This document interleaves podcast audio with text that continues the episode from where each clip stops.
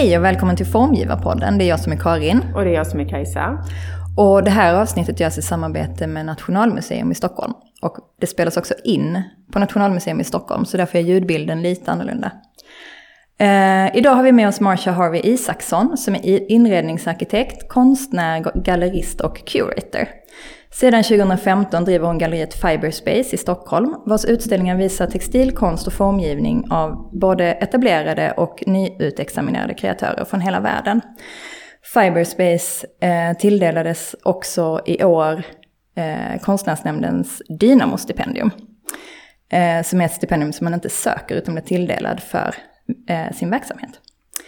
I sin egen konst undersöker Marcia ofta hur kulturellt och personligt arv och nerärvda kunskap kan påverka oss alla i framtid såväl som samtid.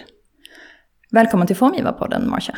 Tack så mycket. Roligt känns, att ha dig här. Väldigt roligt att ha dig här. Det känns väldigt roligt att vara här och vilket vackert rum vi sitter i. Ja, väldigt fint faktiskt. Marcia, du har ju utbildat dig vid Beckmans här i Stockholm och Kawashima Textile School i Kyoto och vid Sveriges arkitekters program för professionsutveckling. Och eh, du jobbar ju både som konstnär, formgivare och inredningsarkitekt. Känner du att du kan röra dig fritt mellan dina olika roller? Ja men absolut, det känner jag verkligen. Um, jag kommer ihåg att länge ville folk sätta mig i ett fack. Ja. Eller liksom man skulle ha en etikett. Så, mm. vad, vad gör du egentligen? Och eh, jag ville inte finna mig i det för att jag visste inte riktigt vad jag vill göra exakt. Och jag känner att alla de här olika delar berikar varandra. De är lite parallella spår men de går ihop ibland. Um, och det var därför jag kände att uh, utbildningen på Nyckelviksskolan och på Beckmans, jag gick allmänlinjen på Nyckelviksskolan och jag gick form på Beckmans, att de var så vidöppna att egentligen kunde man bli vad som helst efteråt och det har passat mig för jag vet fortfarande inte vad jag vill bli när jag blir stor, känner jag.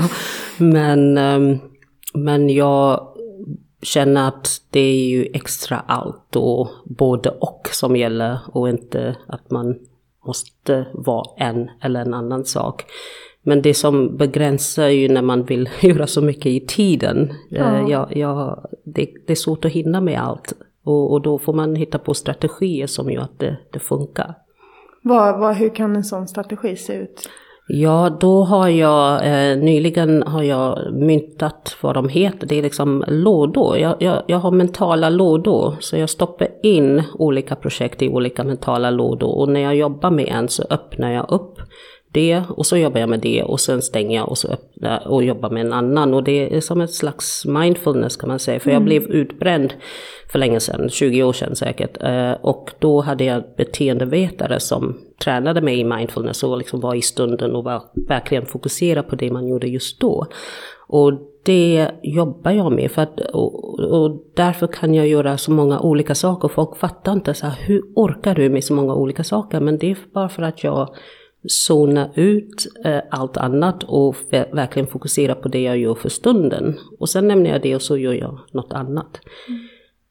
Ja, den eh, skulle man ju kanske behöva ja, gå till den. ja, men hon var fantastisk. Ja. Känner du att dina olika spår, eh, alltså på vilket sätt berikar de varandra?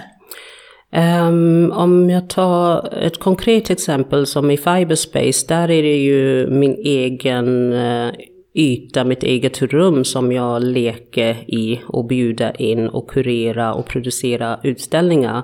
Och sen har jag mitt andra ben där jag är både inredningsarkitekt och utställningsformgivare och en stor del egentligen av mitt arbete är att jobba mot museer, olika museer och ehm, um, formge utställningar. Och då när jag kliver in i den rollen där jag ska bara ge form och gestalta rummet och lyfta fram berättelsen så har jag med mig ändå allt annat som de behöver kunna och tänka på och dess besökare och allt det tekniska och det ska hängas och det ska hålla. Och, så mm. jag, jag, kan komma med den kunskap och verkligen sätta mig i, in i deras situation, även om min roll just i sådana projekt är en helt annan. Mm. Mm. Eh, du startade ju Fiberspace eh, 2015. Eh, varför valde du att göra det? Och då får vi berätta att det är ett galleri där du också nämnde innan att du är curator och sådär. och gallerist. Precis. Nej men, um, när jag eh, hade gått på Nyckelviksskolan så trodde jag verkligen att jag skulle bli textilare. Jag, det var liksom, jag föll för vävning och skrintryck och så tänkte jag att det här vill jag göra. Men jag råkade, eller råkade, jag sökte till Beckmans och kom in på Beckmans och då tog min resa en helt annan riktning och jag hamnade i det rumsliga och började jobba med det. Eh, men sen kände jag efter ett tag, eh, efter några år eh, som inredningsarkitekt att gud vad jag saknade textila.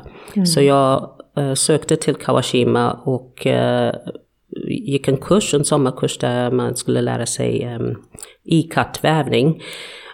Och under tiden i Kyoto så gick jag på många ut, textila utställningar och kände att det fanns en helt annan vördnad för den textila konsten i Japan. Um, och när jag kom tillbaka så hade jag den tanken med mig, men också att jag själv gillar att gå och se på textila utställningar, eh, eller utställningar med textila verk. Ehm, och då tänkte jag att um, nej det här är någonting som saknas i Stockholm. Jag skulle vilja skapa en sån arena eh, och det sammanföll med att jag behövde en ny lokal eller mer plats för min verksamhet som inredningsarkitekt. Och då hittade jag en lokal som passade både som galleri och som studio. Så att då, då föll allting på plats på samma gång. Eh, och namnet Fiberspace den kom bara som en blixt från klar himmel. Man bara, ja, den ska heta så. Lite öppen. Och, och det var också en tid där jag hade startat eget och hade kanske drivit det i ett, eh, ett och ett halvt år och kände att jag bara knegade. Jag bara, mm. jag bara jobbade och inte hade någon um, riktig... Um, alltså jag kände mig inte lycklig med det jag höll på med för att det kändes bara som jag räknade timmar. Mm. Och kände att jag ville skapa något som var mycket större än mig själv och mm. någonting som var bestående, någonting som skulle överleva mig. Um, och då på den här profes professionaliseringskursen som vi pratade om i Sveriges arkitekter så var det en uppgift att uh, hur kan du utveckla din affär eller affärsidé. Och så tänkte jag jag ska differentiera mig från alla andra inredningsarkitekter. Jag ska vara inredningsarkitekt och gallerist och curator. Och, mm. Så att det var ett sätt bara också att bredda vad jag höll på med för att jag skulle hitta lusten till att hålla på med det jag gjorde. Gör det att du har det galleriet eh, och liksom möter textilkonstnärer eh, liksom, med olika inriktning, bidrar det till din egen eh, liksom, konstnär, ditt eget konstnärskap? Ja, absolut. Jag lär mig så mycket av alla som ställer ut på Fiberspace. Inte bara hur man kan tänka kring textilkonst men också hur man pratar om det, hur man skriver om det. Um, och också bara nödiga saker som tekniker och material och uh, hur man monterar sina verk, hur man hänger upp. Så jag, jag lär mig hela tiden och med varje ny konstnär som kommer så kommer de ju med sin krets eller sina fans. Mm. Och, och, och, på så sätt vidgas mitt nätverk jättemycket. Så jag, jag tycker att det är bara plus, plus, plus. Mm. Hur ser din kreativa process ut? Um, ja, det beror på vad jag håller på med. Jag var inne på det lite grann, att jag mm. gör så, så många olika saker. Och en typisk dag för mig är väldigt splittrad oftast. Och om jag bara tar igår som exempel, för det är en ganska typisk dag. att uh, tidigt på morgonen så var det, jag var tvungen att skicka iväg en verkslista till Paris och jag har jobbat med sex olika konst, textilkonstnärer från olika delar av världen. Tre från Sverige men de andra är från andra delar i världen. Och um, vi ska göra en stor utställning i, i Paris och då var jag tvungen att liksom samla all det här info med verksnamn och år och mått och ursäkta, allt, allt sånt där och skicka iväg. Um, och direkt efter det så satt jag med en rumsbeskrivning och skulle läsa igenom för att jag håller på med ett kontor. Um, kontorsinredning, uh, ombyggnation uh, och var tvungen att se vad, hyresvärden har satt för material och hur vi ska jobba med de materialen och ta fram en egen gestaltningsprogram till det här kontoret. Um, och uh, efter det så var jag tvungen också att tänka en stund för jag ska själv ställa ut i sommar. Var då någonstans? Uh, i, I Norge, Risö. Uh, det är en, um, jag är med i en eh, curator team, en skandinavisk curator team och vi ska göra en jubileumsutställning till nästa år där vi plockar konsthantverkare mm. från uh, hela Norden. Um, och inför det så vill de presentera oss som curators och konstnärer för mm. två av oss är både curators och konstnärer. Och då ska vi själva ställa ut oss själva vilket känns väldigt ovant. Men Um, och så jag var tvungen att tänka på det. Jag letade efter det rätta materialet till ett ny serieverk som jag håller på med. Så, att, så det blir en ny produktion för dig då? Ja, ja. och det kanske jag inte hinner till juli. Utan jag får, om jag hittar det rätta så blir det det. Men annars har jag eh, verk som jag påbörjat som jag eh, måste bara fortsätta jobba med. Så en, en, en typisk dag är väldigt splittrad. Jag är i alla mina världar samtidigt och parallellt och mm. försöker då packa ner en låda och packa fram den andra. Mm. Vad heter det? Jo, ett av dina senaste projekt, Matriarchs, Myths and Legends, eh, kretsar kring personliga historier kring matriarker i din familj. Vill du berätta lite mer om det projektet och hur det har mottagits? Ja, gärna. Um, senast idag så la jag upp en bild på eh, uh, Charue Nyakasikana Nehanda som är um, uh, min farmors mormors faste. Och uh, egentligen började projektet Matriarch Smiths and Legends med att jag fick ett arbetsstipendium från konstnärsnämnden och då hade jag skrivit i min ansökan att jag ville titta närmare på vävmytologier. För det finns väldigt många mytologi, mytologi och, och berättelser och legender kring just vävning eller spinning av garn eh, och, och mycket kopplat till kvinnliga gudinnor. Och det tyckte jag var intressant, men samtidigt parallellt så, det var eh, i princip ett år sedan som jag höll på med en research kring min egen, liksom mina anmödrar. Uh, och, och då bestämde jag mig för att nej, jag kan inte jobba med två stora projekt parallellt utan jag slår ihop dem mm. helt enkelt och väver ihop dem ganska bokstavligen. Och, och då i de här efterforskningarna så kom jag då till uh, Charu Nyakasika Nehanda som var andlig ledare i Zimbabwe och frihetskämpe för hon Eh, uppmuntrade folk eh, när britterna kom till Zimbabwe för att kolonisera att eh, vi måste göra motstånd. De här människorna vill inte oss väl, de vill inte bara handla med oss utan de vill ta över vårt land och vi måste göra motstånd. Eh, och hon bland andra ledargestalter blev hängda och halshuggna och så tog de med skallarna med sig till England som krigstrofé. Alltså, och det är så... Ja. Kände du till detta innan du började researcha? Jag kände till att hon blev hängd, så mycket ja. visste jag. Mm. Men det här att, att de hade faktiskt så tagit med kvarlevor till England, det visste inte jag. Så jag blev alldeles ja, omtumlad och förfärad och arg. Och, och så tänkte jag, vad, vad kan jag göra? Och mm. Eh, jag äh, hade blivit inspirerad av ähm, en konstnär som heter Mariana Silva Varela som hade gjort bårtäcke till eh, repatriering av samernas mm. Kvarlevor. Mm. Um, bara för något år sedan. Och uh, jag tänkte att det, det, är liksom ett ganska värdigt sätt att um, hedra någon med mm. en, en handgjord textil. Så tänkte jag att jag, jag väver en textil och så väver jag in hennes namn. Och projektet är tvådelat. Dels är det bara att berätta om hennes öde, liksom mm. att vara vittne för det. Men mm. också att liksom handgripligen göra, ta fram en textil som kan då fungera som ett bårtecken när och om hon hittas. Men nu har allting strandat tyvärr. Eh, ingen ve tycks veta var kvarlevorna finns. Mm. Så det finns en risk att um, hon kommer aldrig få en värdig begravning. Men då har jag bestämt att jag plomberar det här textilien tills den dag som man kan öppna upp. Mm. Mm. Tills hon hittas helt ja. enkelt.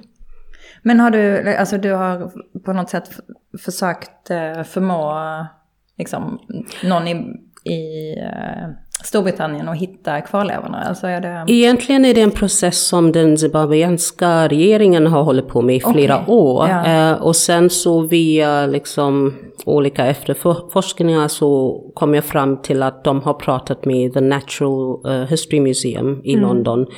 Eh, och så fick jag kontakt med dem och förklarade att det här är en släkting till mig och jag vill veta vad status är. Ehm, och då fick jag ett möte med, ehm, nu kommer jag inte ihåg vad hans titel var, men i alla fall en som var insatt i, i processen med regeringen och eh, processen att titta på de kvarlevor som de har i museet, för de har kvarlevor från Zimbabwe. Men han eh, påstod att man har uteslutit den här perioden som vi pratar om, slutet av 1800-talet, att de kvarlevor som de har är, har kommit till det museet på olika sätt som inte stämmer med eh, att det skulle vara de här frihetskämpar, Jaha, okej. um, Chimrenga-hjältar. Så att eh, där tog det stopp helt enkelt. Ja, Men det finns ju en hedrande, alltså det är ju hedrande att det båttäcket finns. eh, Det är ju någonting i alla fall, alltså Ja. istället för ingenting. Nej men Även precis. om det hade varit ännu bättre om, om eh, kvarlevorna fick komma tillbaka såklart. Ja, nej men det känns som mitt eh, lilla bidrag till det hela. Men jag, jag tänker att mitt eh, viktigaste bidrag är egentligen det här som jag gör nu, berätta. För att det är många som inte vet eh, om det här. Eh, till och med mina, alltså mina barn hade ingen aning, mina brorsbarn hade ingen aning. Så att det, det handlar bara om, om att lyfta fram berättelser som brukar inte lyftas fram eller bli bortglömda. Nu, nu är hon ganska väl dokumenterad som person för hon blev ikon och legend och användes i propagandasyfte. Ehm, för att, eh, framförallt i den andra Chimrenga som var frihetskriget som, som gjorde till slut att Zimbabwe blev ehm, fri eh, 1980. Ehm, så, så jag, jag tänker att det, det hänger också apropå hur, hur de olika spåren hänger ihop. i- Som i mitt yrke som eh, utställningsformgivare eller som inredningsarkitekt så handlar det om att lyfta fram eh, eh, ett museets berättelse eller, liksom, eller ett företags berättelse. Det, det som handlar om att berätta hela tiden och jag ser att mitt konstnärskap också handlar om det. Att berätta, jag, jag berättar berättelser. Eh, och när jag insåg att det var mitt syfte här i livet så kändes det ganska skönt. Bara, aha, okej. Då fattar jag vad jag ska hålla på med. Det är det som håller ihop. Men, eh, och det ställdes ut, du har visat det på Fiberspace, men har du visat det någon annanstans, det projektet? Egentligen visade jag inte det på Fiberspace eh, sådär som en utställning utan jag hade Open Studio. Ja, ja. Mm. Och eh, under tiden som jag jobbade och så det blev performance, själva arbetet och då bjöd jag in och sa jag står och jobbar med det här, kom förbi om ni vill. Och det var några som jag känner men väldigt många som jag inte kände som kanske bara råkade komma förbi. Mm. Och det blev väldigt många fina möten. Folk Först var de kanske lockade av det visuella, liksom alla de här strykjärnen som jag hade använt som tyngde. ehm, och undrar vad, vad är det för konstigt som händer där inne. Och så kom de, så började vi prata och, och så kom vi in på själva historien. Och då, det var många som stannade länge och som hade också någonting att bidra med sina egna historier. Och det, det tänker jag oftast när jag har vävt, ursäkta min röst. Um, det tänker jag oftast när jag har verk, uh, eh, vävt publikt. Uh, att folk knyter an så lätt och öppnar upp så lätt. Uh, för att det är någonting inbjudande med vävning som gör att ja, jag känner igen mig. Eller liksom, även om de inte har vävt själva så känner de igen någonting i det här med att man tillverkar textil. Um, så det blev väldigt många fina möten. Men sen visade jag den lite grann. Eller visade, uh, det var en, um, en sydafrikansk konstnär och curator som heter Heidi Sinuva som var eh, i Stockholm på Residency och hon hade bjöd in uh, olika konstnärer uh, för bara en dags utställning. Det var mm. verkligen mm. kort och intensivt och där testade jag hur det var att verkligen visa det bara som en performance inför publik. Uh, och det gick över förväntan. Så att i, i mitt huvud, det är så många olika delar i det här, men i mitt huvud så tänker jag att jag ska um, göra det ordentligt någon gång. Mm. Men det, den platsen jag vill göra det ordentligt på är i Harare. Eh, där hon dog. Ja. Och i England, i London, mm. där hon misstänks vara. Så det är de två geografiska platser som jag tycker är viktiga att verkligen visa hela det här verket i mm. alla sina delar. Um, men sen kanske så småningom har jag inget emot att visa det i Stockholm när jag har när det har landat där det ska ja, det. landa. Mm. Eh, men det, det har skrivits om i Hemslöjdstidningen, fint artikel, så det var väldigt roligt att de ville uppmärksamma det. Och TT kommer att också skriva om det och släppa en längre artikel mm. kring, kring det projektet. Så att mm. det känns som den greppade tag i folk på ett sätt som mm. jag inte hade väntat mig faktiskt. Eh, som vi sa här i inledningen så kretsar ju många av dina verk kring kulturellt och personligt arv. Eh, känner du att det textila mediet eh, tillför något extra i de här sammanhangen? Det gör jag verkligen. Ehm, för det textila är ju något väldigt universalt. Alltså alla vi vet hur textil känns mot våra kroppar. Alltså det är från vagga till grav. Um, och det textila har ju använts som markör, alltså för status, identitet, tillhörighet. Så det har följt med mänsklig kultur, liksom hand i hand från eh, tidens början kan jag eh, tänka mig. Jag, jag tror bara det finns liksom en kultur som inte hade textil. Alltså om man, om man tittar tillbaka så. Vilken kultur var det? Jag tror att det är, um, alltså någonstans där det är så kallt så att det inte växer Nej, några just det, fibrer, att man använder... Att man, hade, alltså, man fick ha hudar istället. Ja, precis. Liksom. Men i övrigt så har ju textil varit Ja, precis. Och, och så, så är det ju också i Zimbabwe att uh, länge fanns ju inte någon textiltillverkning ehm, uh, så, utan det var ju att man, man jagade och så hade man hudar. Men det, det kom ju textil uh, via möten med andra kulturer, möten med andra människor där man har liksom tagit och adopterat det här och gjort det till sitt. Um, och om jag tänker på västafrikansk vävning som jag undersökte lite grann där. Det kom sidentyger från Kina som de repade upp för att kunna väva sina kente-tyger. Mm. Så jag tänker liksom det textila är ju något som som reser också mycket genom både tiden men också genom eh, världen, alltså genom platserna. Eh, och nu om man tittar i Lesotho till exempel där det är också kallt, de har så här väldigt um, um, tecken, filt, filtar mm, som, mm. som kallas för traditionella men de är ju inte av landet, de är ju inte från eh, deras kultur. Men idag så textila um, är viktig för mänsklig kultur. Det är uh, alldeles eh, uh, tydligt för mig. Och att uh, det finns så mycket inbakat i, i, i textilets språk. Uh, I mönstringen, i färger, i, i, i hur saker och ting sätts ihop som vi har glömt nyckeln till. Eller vi kan inte läsa det längre. Mm. Um, men jag, jag tänker att textil är en sån lämplig um, material att använda när man, som jag, vill jobba väldigt personligt. Um, för att den går förbi mm. ja, så här, uh, grindar eller mm. saker som stoppar mm. upp. Uh, Ja men det är ju, som du sa, liksom, ett prima materia. Alltså det är att, att, alla, att alla med ögat kan känna textil. För mm. att all, alltså, i stort sett alla har ju upplevt, alltså, har upplevt textil så mycket. Så att, så att man kan ju, textil är ett medie som man kan förstå utan att känna det. Alltså man behöver inte kroppsligt känna på en filt för att veta hur den filten kommer kännas mot kroppen. Mm. För att referensbiblioteket hos alla människor är så stort. Liksom. Mm. Och det gör ju också att man då kan, kan känna, känna eh, textila verk kanske intuitivt på, alltså väldigt snabbt. Liksom. Um, och sen så är det ju, alltså det här som du sa med att det finns så mycket legender kring vävning och så också är ju jättespännande.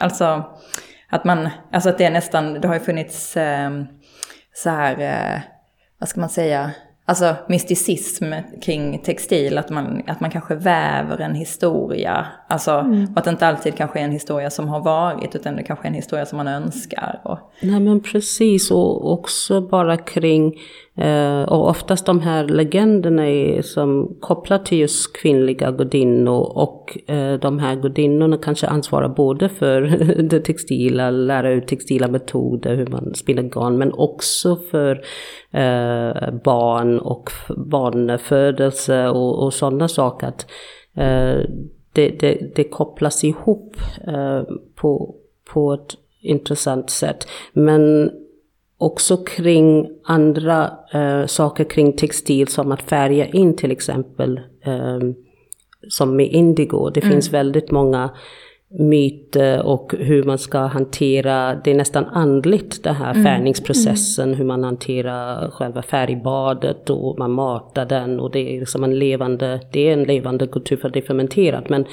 um, att det är, viss, det är bara vissa personer som får göra det. Alltså det är väldigt många saker som, eh, som man idag har tappat bort mm. eh, kring framställningen av textil som var ju något som tog väldigt lång tid förut. Och då kanske man uppskattade textilien på ett helt annat sätt än mm. vad man gör idag.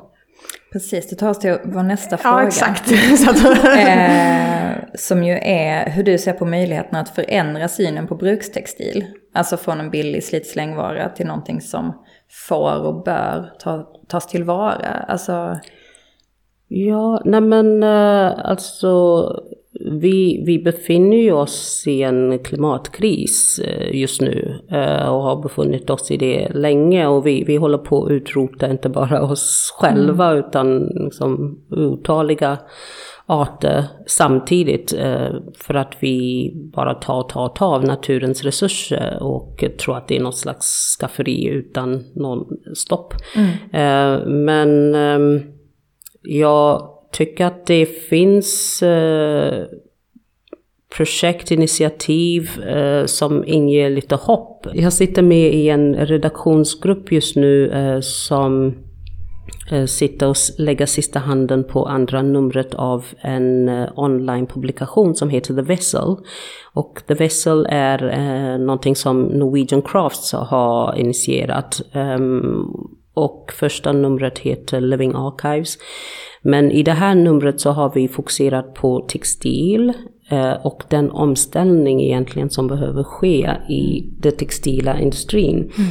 Och, och det handlar liksom både eh, alltså om det eh, stora de stora grejerna som måste hända men också det lilla. Att mm. i, i alla praktiker och alla industrier och alla delar av industrin så måste man göra någonting. Och det finns um, en väldigt spännande artikel i den som kommer som är skriven av Carol Collet som är professor i hållbar design, eh, alltså hållbara framtider eh, på Central St. Martins. Och hon lyfter fram just sådana här initiativ och projekt där folk tar saker i egna händer och genom textila metoder försöker um, ja, förändra eh, tillverkningsmetoder, rena vatten, eh, färga på olika sätt, alltså ställa om. Mm. För att det krävs många, eh, många olika insatser för att kunna överhuvudtaget, att vi ska klara av den här omställningen som vi behöver göra.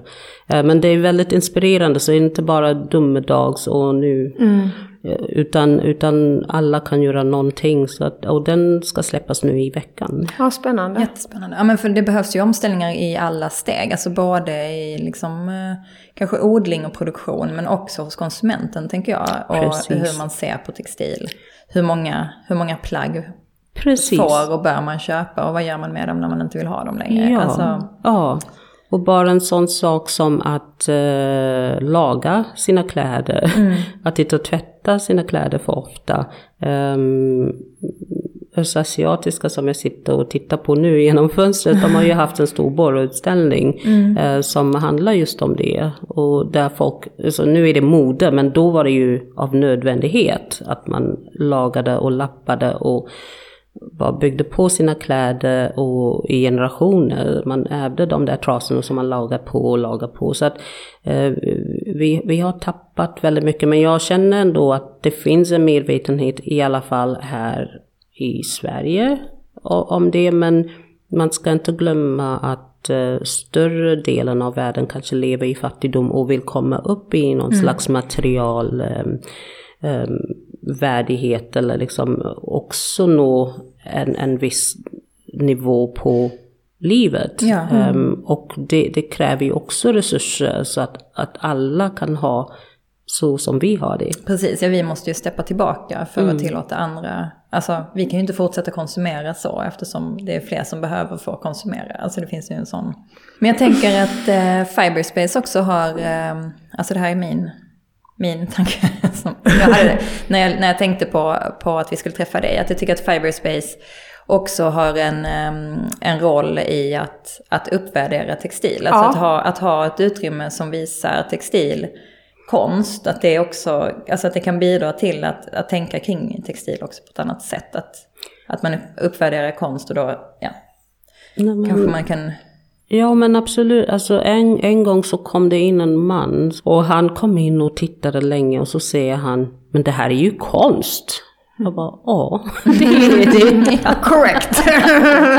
det är det, vad trodde du att det var egentligen?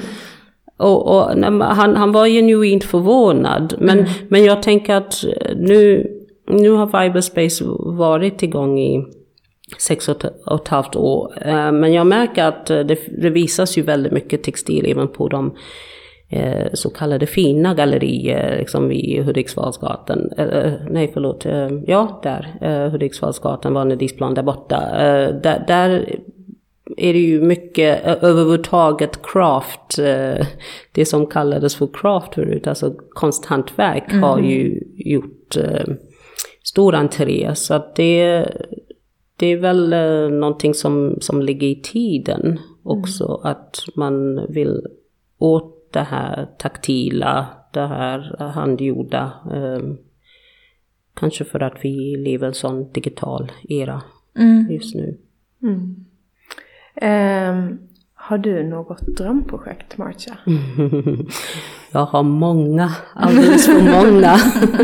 Nej, men, eh, men jag har en som är i görning just nu eh, och det är att jag skulle vilja sätta ihop en stor ehm, eh, art eller konstfestival Artfest kallar jag det för, men ja, en mm. konstfestival, en stor utställning eh, med fokus på afronordiska eh, utövare.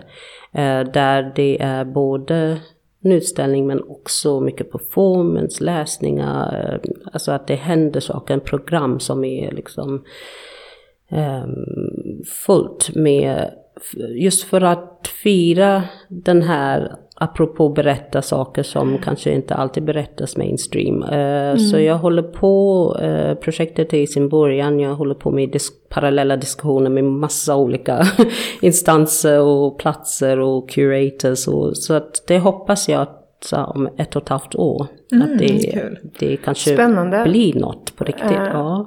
Spännande. Och vad har du i pipelinen just nu? Um, just nu är det eh, saker som jag har jobbat med ett tag som äntligen, äntligen, äntligen får se dagsljus. Mm. Så att den 23 april då öppnar eh, Västerås konstmuseet igen. Eh, det har varit stängt en liten kortis men eh, jag har ritat om museet och ehm, tagit fram en gestaltnings en gestaltning för den nya samlingsutställning som ska vara mer permanent. Istället Åh, vad för att de roligt. har, de har bytt ju varje år men nu ska de ha en som står i, i alla fall i tio år. Ehm, så det öppnar den 23. Grattis. Tack! Det ska bli väldigt kul. Det är sista spurten nu. Och sen eh, är det eh, utställningen på Svenska institutet i Paris som jag kurerar då. Ehm, och där håller vi också på med det sista. Så att i maj kommer jag vara i Paris. Den 13 maj öppnar det för publiken. Och eh, 12 maj ja, är det vernissage för inbjudna. Så det är de två grejerna. ehm, men sen ska jag faktiskt också eh, flytta till Johannesburg under hösten. Jaha! Ja, för jag har fått en artist residency Ah, på kul. The Bag Factory. Och The Bag Factory är en riktig a- anrik eh, konstnärsarena i Johannesburg. Och det ska bli väldigt kul att tillbringa en fokuserad tid med att fortsätta med mina efterforskningar och mina projekt. Alltså min, Mm. min egen konstnär, konstnärlig skapande. Så det ser jag fram emot. Min man jag. följer med. Ja. ja, så Åh, vad det kul. blir spännande. Och då ska du, ska du helt fokusera på ditt eget konstnärskap under hela Ja. hösten? Allt Hur annat pausas. Det är en tre månaders um, residency men jag ska nog eh, vara där lite längre för min mamma bor i Zimbabwe så jag ska Ah. förbi där och så vill jag eh, komma i kontakt apropå mm, det här um, Matriarchs Myths and Legends, att eh, jobba med det på plats också. Så att eh, det blir nog en fyra, fem månader, jag vet inte. så Cyberspace kommer tyvärr ha stängt under hösten, men alla höstens utställningar är bara fram, framflyttade. Så att eh, säsongen kör igång igen redan faktiskt i december. Då är det en boklansering. Ehm, en bok om Ellen Key eh, som är skriven av Tina Ignell. Så hon har vävt eh, Ellen Keys textilier som Jaha. finns på strand. Så det, det, det är Åh, jättespännande. Alltså gjort ny, nyproduktion av dem? Nyproduktion, ja. spännande. Ehm, eh, precis, så att det, det, blir, det blir december, lagom till eh, julhandel. Ja. Och då har du fått tanka lite sol då, så då kommer Ja. du klara december och januari, februari jättebra. Gud, Precis, precis. Ja. ja. ja, men underbart att ha dig här, Marcia. Jätteroligt. Jättespännande att höra på Tack. parallella, alla parallella och hur du arbetar med dina boxar och din historia. Mm. Tack så jättemycket. Ja, tack. Tack för att jag fick vara här. Hej då! Hej då!